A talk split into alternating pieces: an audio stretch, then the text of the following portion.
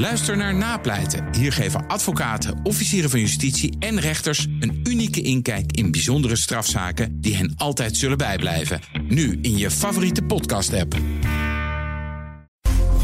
BNR Beurs wordt mede mogelijk gemaakt door Bridge Fund. Make money smile. BNR Nieuwsradio. BNR Beurs. Wesley Weert, Jelle Maasbach. Wat een feest. We leken al even in een treurige herfst te zitten. Maar ineens was daar vandaag weer het zonnetje. En er is er ook nog eens een gratis aflevering met beursnieuws voor je. Goed dat je luistert. Het is woensdag 27 september, de dag dat Atjen ineens weer omhoog ging. Aandeel ging zelfs even 7,5% omhoog. En er is aan het eind van de dag nog een plus van 4% van over. Bij ons uh, Stefan Kastelein van 1 Vermogensbeheer. Welkom. Ja, hallo. Atjen steeg dus allemaal omdat Barclays uh, zegt dat uh, de massale verkoop van het aandeel wat overhaast is. En dat Atjen nog altijd de beste papieren heeft. Ben jij het uh, met die analisten eens? Ja, Adyen is enorm gedaald. Dat is, dat is inderdaad wel duidelijk. Wij zijn op dit moment nog geen koper. Wij zijn geen koper omdat we wachten op een bodemvorming. En die, en die bodemvorming zien we op dit moment nog niet. Een bodemvorming heb je als de koers toch een tijdje stabiliseert op een laag niveau. En je een dieptepunt hebt dat hoger is dan het vorige dieptepunt. En dat zien we op dit moment nog niet. Nee, dan naar de rest van de beurs. De AX die heeft te lijden onder grote problemen bij verzekeraars. En sluit op de stand waarmee het vanochtend ook opende op 722 punten. En komt dus amper van zijn plek. Straks hebben we het over die verzekeraars en hun woekerpolissen. Dat is toch iets uit de jaren 90, hoor ik je denken. Klopt, maar die verzekeringsrommel die speelt het aandeel en vandaag parten. De handel werd zelfs uh, tijdelijk stilgelegd. Straks meer erover, maar eerst ander nieuws. Een nieuwe onthulling in de gigantische slaapapneu-affaire van Philips. Philips verzweeg sinds 2010 duizenden klachten van patiënten... voor de Amerikaanse toezichthouder, de FDA. En dat ontdekte NRC. Volgens de krant gaat het om 3700 meldingen... en die gingen bijvoorbeeld over het uiteenvallen van het schuim... in de beademingsapparaten, maar ook over patiënten... die mogelijk zijn overleden door het gebruik van zo'n apparaat. En Philips is verplicht om zulke klachten binnen 30 dagen te melden aan de FDA, dus die toezichthouder. Maar in plaats daarvan hield het uh, ze meer dan een decennium onder de pet. Ja, Stefan, nu we dit weten, kan dit nog gevolg hebben voor Philips? Want er zijn natuurlijk een hoop advocaten die uh, al die claims aan het voorbereiden zijn. Ja, het is toch wel heel moeilijk. Hè? De, de Amerikaanse markt is op dat moment wel hard. En als men de FDA niet geïnformeerd heeft op de manier dat moest gebeuren, ja, ik denk dat het toch wel een heel moeilijke blijft. Ik zou op dit moment toch nog altijd niet graag aandeelhouder van Philips zijn. De puinhopen van uh, Mislintat, de ontslagen technisch directeur van Ajax... die zijn mogelijk nog groter dan gedacht. De ontslagen Duitser die zou mogelijk hebben geprofiteerd van een transfer. Van die ene wisten we, maar er zijn nu aanwijzingen... dat het om veel meer foute transfer gaat. Zegt Gerben Everts van de Vereniging van Effectenbezitters... tegen NOS Langs de Lijn. Ja, er zijn aanwijzingen dat er meer aan de hand is. Het schijnen appjes van spelers te zijn die vlak voordat de transfer uh, zou kunnen plaatsvinden te horen hebben gekregen van dat kan alleen met een uh, zaakwaarnemer, uh, meneer Beck. Daar heeft Mislintat een, een deal mee. En als je niet nu overstapt, en dat gold voor Sosa, maar klaarblijkelijk ook voor andere spelers, dan kan je de transfer naar je droomtransfer naar Ajax niet maken. Bij een beursgenoteerd bedrijf kan dat echt niet. De VEB die wil opheldering van Ajax. De VEB wil weten of alle transfers die uh, heeft gedaan nu onderzocht worden. Hoe de directie ervoor zorgt dat het onderzoek onafhankelijk verloopt. En de VEB wil dat het onderzoek zo snel mogelijk afgerond is. En oh ja, Pieter Ieringa, voorzitter van de Raad van Commissarissen, is vandaag ook nog uh, opgestapt. Wesley, je hebt niks met voetbal. Maar dit is zo'n soap. Ja, Begin jij in één keer uh, ja, ik, spannend en, Ja, precies. Ik vind het ook spannend. En ik, ik kan er ook niet onderuit. Nee. Iedereen heeft het erover. Wat ik nog zag, dat was dat in China voor het eerst een grote autofabrikant helemaal stopt met de productie in het land. En het gaat dan voor de duidelijkheid om een autobedrijf dat niet uit China komt. Het mm -hmm. gaat om Mitsubishi, een Japans bedrijf. En dat heeft een fabriek in China. En die fabriek die lag al een uh, half jaar stil vanwege tegenvallende verkopen. En nu wordt de stekker helemaal uit de fabriek getrokken. En toch wel opvallend, want ja, China is werelds grootste automarkt. Maar ja, het is ook een markt waar buitenlandse bedrijven het steeds moeilijker hebben. Lang hadden Japanse en Europese merken het grootste gedeelte van die markt in handen. Maar de laatste jaren zijn ze ingehaald door Chinese bedrijven zoals BYD, ons wel bekend natuurlijk. Mm -hmm. Komt doordat China de eigen bedrijven flink stimuleert met subsidies, waardoor ook concurreren gewoon heel lastig is. Maar Mitsubishi die uh, houdt het voor gezien en die andere autobouwers die gaan wel gewoon door, toch? Ja, niet helemaal. Mitsubishi die stopt dus volledig met het maken van auto's in dat land. Maar eerder beëindigde bijvoorbeeld ook Stellantis, bekend van Citroën, van Opel en Honda, ook een deel van de productie in China. Ja, opvallend, H&M gaat zijn winkels in Oekraïne weer openen, zag ik nog. Oh. Sinds de invasie van eh, Rusland vorig jaar februari hebben ze de verkopen daar gestopt. Maar die gaan ze dus weer vanaf uh, aanstaande november opstarten. Maar kan het weer? En ze hebben, zeggen ze, overleg met de autoriteiten en het personeel daar. Komt er dan zo'n standaard quote van dat ze de ontwikkeling scherp in de gaten houden. Mhm. Dat de veiligheid van personeel en klanten de hoogste prioriteit is. Je kent het wel. Maar ze gaan dus inderdaad weer verkopen daar. Nou, benieuwd welke bedrijven volgen. Ja. H&M kwam trouwens ook met de cijfers. Maar het was vooral de waarschuwing voor deze maand waarmee ze kwamen. Ze verwachten dat de kledingverkopen met 10% dalen vergeleken met september vorig jaar. Reden het ongewoon warme weer in Europa. Waardoor mensen hun zomeroutfit nog even aanhouden. Vergeet regio Eindhoven. De nieuwe chipgigant staat in Limburg, in Belgisch Limburg. Stefan vertelt je waarom België weer van Nederland gaat winnen. En nu dus op het gebied van chips. Er dreigen massaclaims van in totaal honderden miljoenen euro's voor verzekeraar NN Group vanwege woekerpolissen. De verzekeraar heeft jarenlang onterecht veel te hoge kosten in rekening gebracht aan klanten, oordeelt de rechter.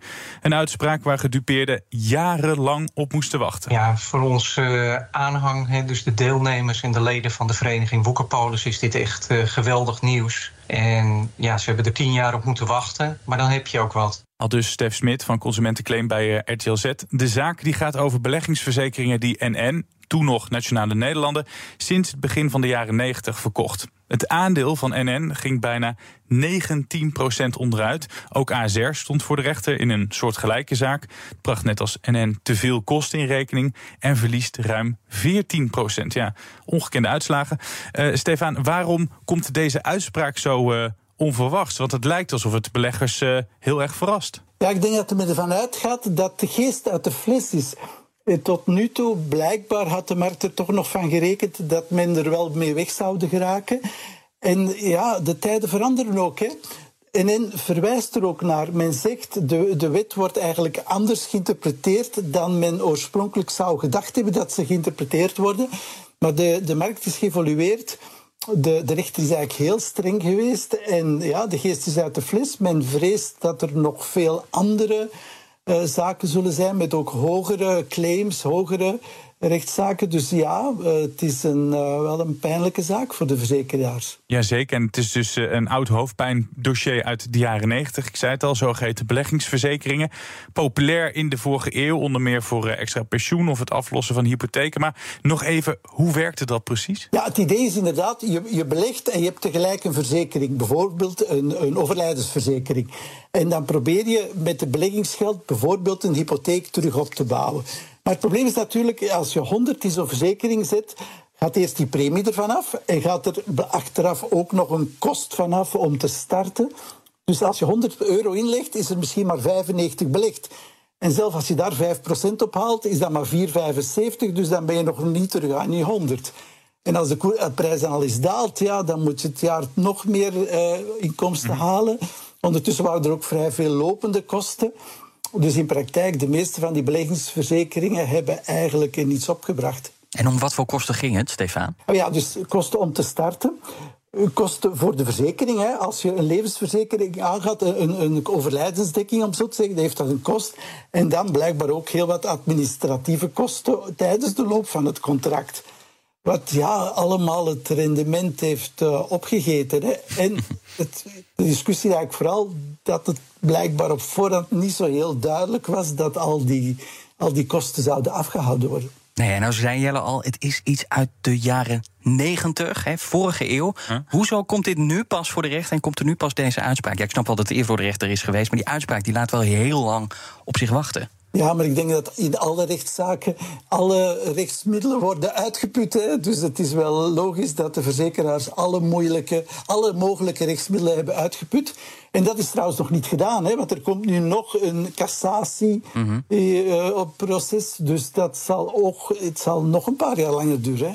Ja, de aandacht ging voornamelijk uit naar NN Group. Nou ja, met een verlies van bijna 90, 19% is dat ook wel terecht. Maar ASR verloor meer dan 14% Egon bijna 4,5% Wat betekent dit voor die andere verzekeraars, die, die uitspraak voor vandaag? Ja, de, uh, zoals ik zie, ja, er zijn eigenlijk in totaal, uh, we dachten 6 miljoen uh, contracten getekend Of nee, in totaal een 700.000 polis, excuseer. Maar ja, dus dat is wel echt wel heel, heel veel. Dus ik denk dat die over alle verzekeraars uh, verdeeld zijn. Ja. Ja, en moet je dan nog wel willen beleggen in verzekeraars? Want er zijn nogal wat risico's die nu aan het licht zijn gekomen en die ook nog wel even gaan spelen, denk ik. Ja, ik moet eerlijk zijn, in mijn ogen is dit toch wel een beetje een nieuw risico. Ik denk, en je ziet het ook aan de koersevolutie, dat de markt dit soort risico toch niet op die manier heeft ingeschat. En het is zo, het tijdsbeeld verandert. Hè, wat misschien nog min of meer aanvaardbaar leek in de jaren 90, is het nu blijkbaar totaal niet meer. En men heeft dat toch niet helemaal zo ingeschat, ja. Nu zie ik uh, de nodige ja, uh, berekeningen op een bierveeltje voorbij komen van analisten. Uh, de een heeft het over honderden miljoenen euro's, de ander over wat minder. Wat denk jij? Wordt het een enorme schadepost voor die verzekeraars? Ja, dat denk ik dat dat wel duidelijk is. Het Hof heeft blijkbaar een voorbeeld gegeven van 2000 euro per polis. Dus als je dat vermenigvuldigt met 700.000 polissen, kom je wel aan hoge bedragen. Ik zeg niet, het zal natuurlijk niet, niet zo hard uitdraaien, maar ja, ik denk wel dat dit toch wel uh, schrikken is op veel plaatsen. BNR Beurs. Wall Street, rode borden. De Dow Jones staat 0,5% lager. De S&P 500 verliest 0,3% en de Nasdaq levert 0,3% in. Gisteren verloor Amazon al 4% en opnieuw gaat er vandaag een procent vanaf. En de reden is de Amerikaanse toezichthouder, de FTC, want die opent de aanval op Amazon. Het gaat om een van de grootste zaken ooit tegen het bedrijf. De webwinkel zou namelijk de markt in zijn wurggreep houden en zijn macht misbruiken. De lijst met beschuldigingen is lang. Ik heb er even naar gekeken. Maar wat ik zelf het heftigst vind, is dat Amazon bedrijven min of meer eh, verplicht om gebruik te maken van zijn diensten. Amazon regelt dan bijvoorbeeld de betaling en de verzending, maar rekent daarvoor wel een hele hoge commissie. En het bestraft bedrijven ook, die verkopers, als hun artikelen op andere sites tegen een lagere prijs verkopen. En als straf krijgen hun producten op Amazon dan een minder goede plek. En sowieso staan de eigen producten van Amazon bijna altijd bovenaan. En verkopers ja, die worden dus tot wanhoop gedreven. Uh, maar ja, ondertussen is er geen alternatief. Ze moeten op Amazon adverteren. Ze hebben dat platform nodig, want anders gaan ze failliet, zegt de toezichthouder. Uh, Stefan, um, ja, een grote zaak dus, maar waar moet Amazon nou voor vrezen? Is dat een ja, grote boete of uh, toch het opbreken van het bedrijf? Ja, ik denk dat de, de concurrentiewaakhond daar waarschijnlijk wel naar kijkt. Ik denk dat velen onmiddellijk aan de, de zaak tegen Microsoft moeten denken in 2001. Mhm. Toen was de overheid van mening dat, die eh, dat de, iedereen die gebruik maakte van Windows, van Microsoft, verplicht was, was om de Internet Explorer te nemen van, van Microsoft. Ja. En Microsoft is dat verplicht geworden om dat open te stellen. Wat trouwens de reden is dat Google daarna zo is kunnen doorgroeien en ook een soort monopolie is geweest. Dus ik denk dat ze daar misschien voor zouden kunnen vrezen. Ook al lijkt me dat iets minder evident bij Amazon werk zijn. Ja, ja. ja, ook omdat die verkopers zeggen: ja, er is geen alternatief. En de FTC die kan daar natuurlijk ook niet voor zorgen. Die kan niet opeens ervoor zorgen dat er tal van concurrenten opstaan. Dus wat hebben verkopers hier dan precies aan, aan die zaak die nu dus wordt aangespannen? Ja, ik denk dat men toch wel het signaal wil geven. Hè. Het is ook zo, dus de, de, degene die nu de, eh, de, de leidt, heeft, heeft daar vroeger nog een, een tekst over geschreven, is, is bekend als iemand die daar veel mee bezig is. Dus men wil toch wel het signaal geven dat men iets, uh, iets dus wil doen. Maar um, om het ineens te zeggen waarom ik toch denk dat men voorzichtig zal zijn, op wereldvlak is een grote concurrent Alibaba. Het is natuurlijk een Chinees bedrijf. En ik denk dat de Amerikanen er zeker niet zitten op te wachten dat een Chinees bedrijf eventueel dan een deel van de business van Amazon zou overnemen. Dus ik denk dat men toch wel uh, voorzichtig zal zijn. Dan kan het dus voor Amazon, hoe grappig ook, een, een voordeel zijn dat die Amerikanen en Chinezen ruzie hebben met elkaar. Maar dan gaat het over een buitenlandse concurrent. Is er op dit moment een Amerikaanse concurrent uh, die uh, serieuzer kan worden uh, als de toezichthouder ingrijpt bij Amazon?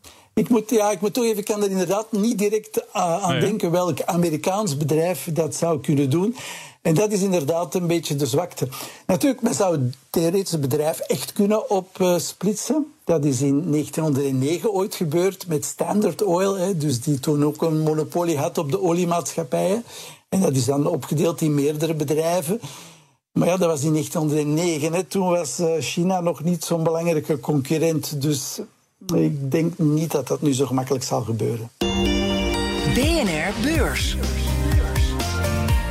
De hele week zoeken we naar de beursbedrijven die onze uitzending en de beurs gaan bepalen. Nu nog te klein, maar binnenkort even groot of groter dan al die gevestigde namen op de Europese beurs. Kortom, de nieuwe Ferrari, de nieuwe Nestlé of Aal Delhaize van de toekomst. Stefan, je hebt iets uit België meegenomen. Vertel. Moet ik toch wel een Belgisch bedrijf naar boven brengen? Dat bedrijf heeft XFAB. En XFAB, en XFAB is de, fab, de fabriek voor het maken van computerchips in de autosector, in de autosector. Wat een zeer sterk groeiende sector is, voor drie redenen. Er is de vergroening van de auto's. Elektrische auto's bevatten veel meer chips dan traditionele auto's. Is natuurlijk de veiligheid, allerlei chips om ervoor te zorgen dat de auto op tijd stopt, dat we niet van de rijvak afwijken en dergelijke meer. En het derde is eigenlijk het comfort. Uh, auto's worden rijdende entertainmentsystemen. Uh, en XFAB maakt dus de chips uh, om dat allemaal te doen. Dat, waren, dat is op dit moment nog altijd steeds een tekort aan, aan dergelijke chips. En XFAB heeft enorm geïnvesteerd om de productie de volgende jaren te kunnen opbouwen. En bovendien, ja, dit komt dan weer sterk overeen met wat de overheid wil. Want de Europese overheid wil dat er meer chips lokaal hier geproduceerd worden. En XFAB heeft inderdaad die fabrieken nu opgebouwd. Er zijn totaal zes fabrieken. Drie in Duitsland, één in mhm. Frankrijk, één in de VS en één in Maleisië. Dus geen fabriek in België, om eerlijk te zijn. Uh, maar dus ja, ik denk dat het bedrijf dus zowel qua conjunctuur als qua regelgeving klaar staat om te profiteren van de beweging die eh, op dit moment bezig is. En we hebben het heel veel over chipbedrijven. Heel veel chipbedrijven, Wesley zei het eerder al, die zitten in de regio uh, Eindhoven. In ieder geval in Brabant uh, verscholen. Wat doet dit bedrijf anders dan die Nederlandse uh, chipmakers? ja, in die zin zijn ze echte fabrieken. Zij maken echt de chips. En dat is toch een beetje de niche van die chips voor de, voor de autosector. Dat zijn soms niet de meest hoogtechnologische chips, maar er zijn er wel steeds meer nodig per auto. Hè. Eh, en dat is, dat is echt in de, in de tientallen meer iedere keer dat er een nieuw model uitkomt. Hè.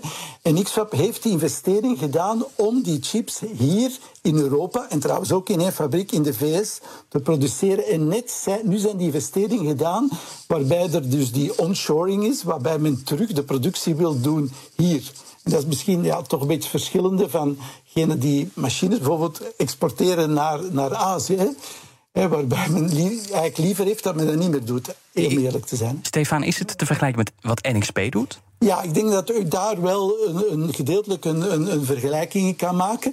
XWAP is ook veel kleiner, hè, maar dat is misschien een beetje de charme hieraan. Het is een klein, relatief onbekend aandeel. Misschien ook voor een technische reden. Het noteert eigenlijk op Euronext Parijs, maar het is wel een Belgisch bedrijf, dus inderdaad. Dus uh, het is misschien in die zin wat onbekend.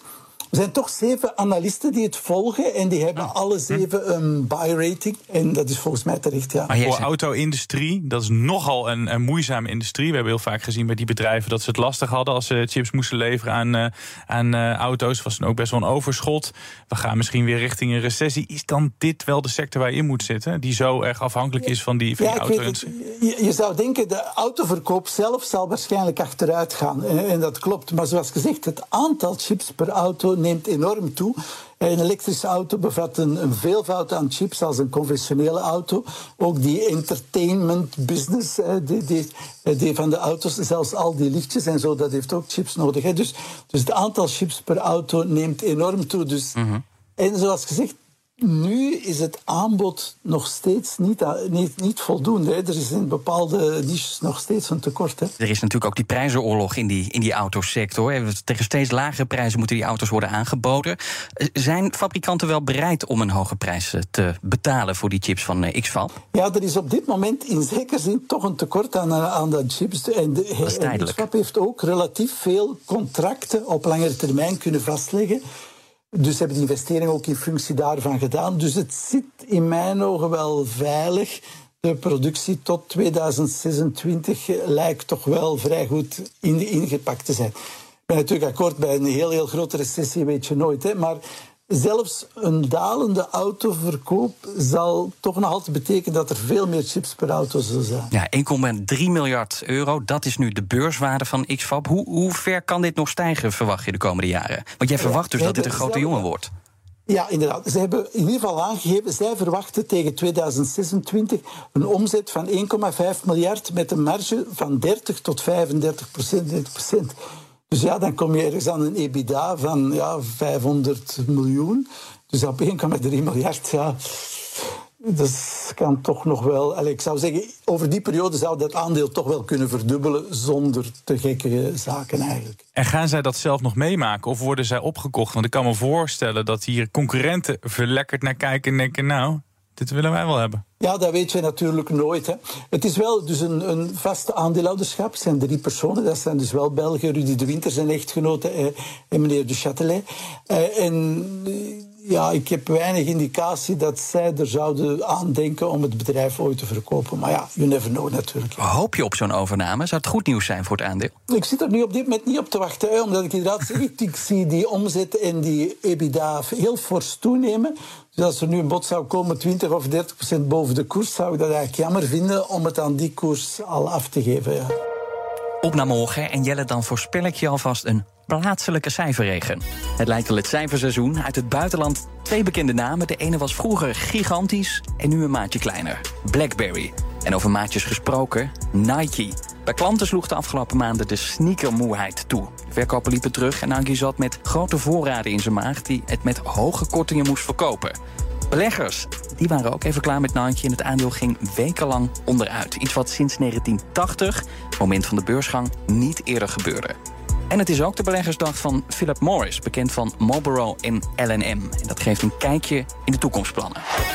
Dit was de BNR-beurs van 27 september. Op de dag dat we het hadden over de Woekerpolis. Een gedrocht uit de jaren 90, maar nu in 2023 levert het verzekeraar NN en ook ASR kopzorg op. Je hoorde over de zorgen bij Philips, over de koersprong van Atjen. En het ging dus over een Belgisch chipbedrijf dat uh, nou ja, of op eigen kracht tot de grootte gaat horen... of misschien dan stiekem nog uh, wordt overgenomen. Zullen we nog één keer de naam noemen? XFAP. We danken Stefan Kastelein van uh, Eén Vermogensbeheer. En heb je vragen? De vrijdaguitzending komt alweer dichterbij. Stuur ze naar bnrbeurs.bnr.nl en dan leggen we die vraag voor aan onze gast. Gesproken bericht vinden we ook leuk. Vinden we ook leuk. Mag gaan over de strategie, over aandelen, wat je wil. We leggen hem dus voor op vrijdag. Bedankt voor het luisteren en tot morgen. Tot morgen. BNR Beurs wordt mede mogelijk gemaakt door Bridge Fund. Make money smile. BNR Headlines. De hele dag binnen- en buitenlandse politiek. In Nederland hebben we geen munitiefabrieken. De hele dag economie. Vijf dagen in de week bezorgen, dat kan niet uit. De hele dag technologie. Amerikanen weer op de maan. Heb je eigenlijk geen tijd, maar wil je toch op de hoogte blijven? BNR Headlines. Het laatste nieuws, maar dan in het kort. Ga naar je podcast-app en abonneer je op BNR Headlines.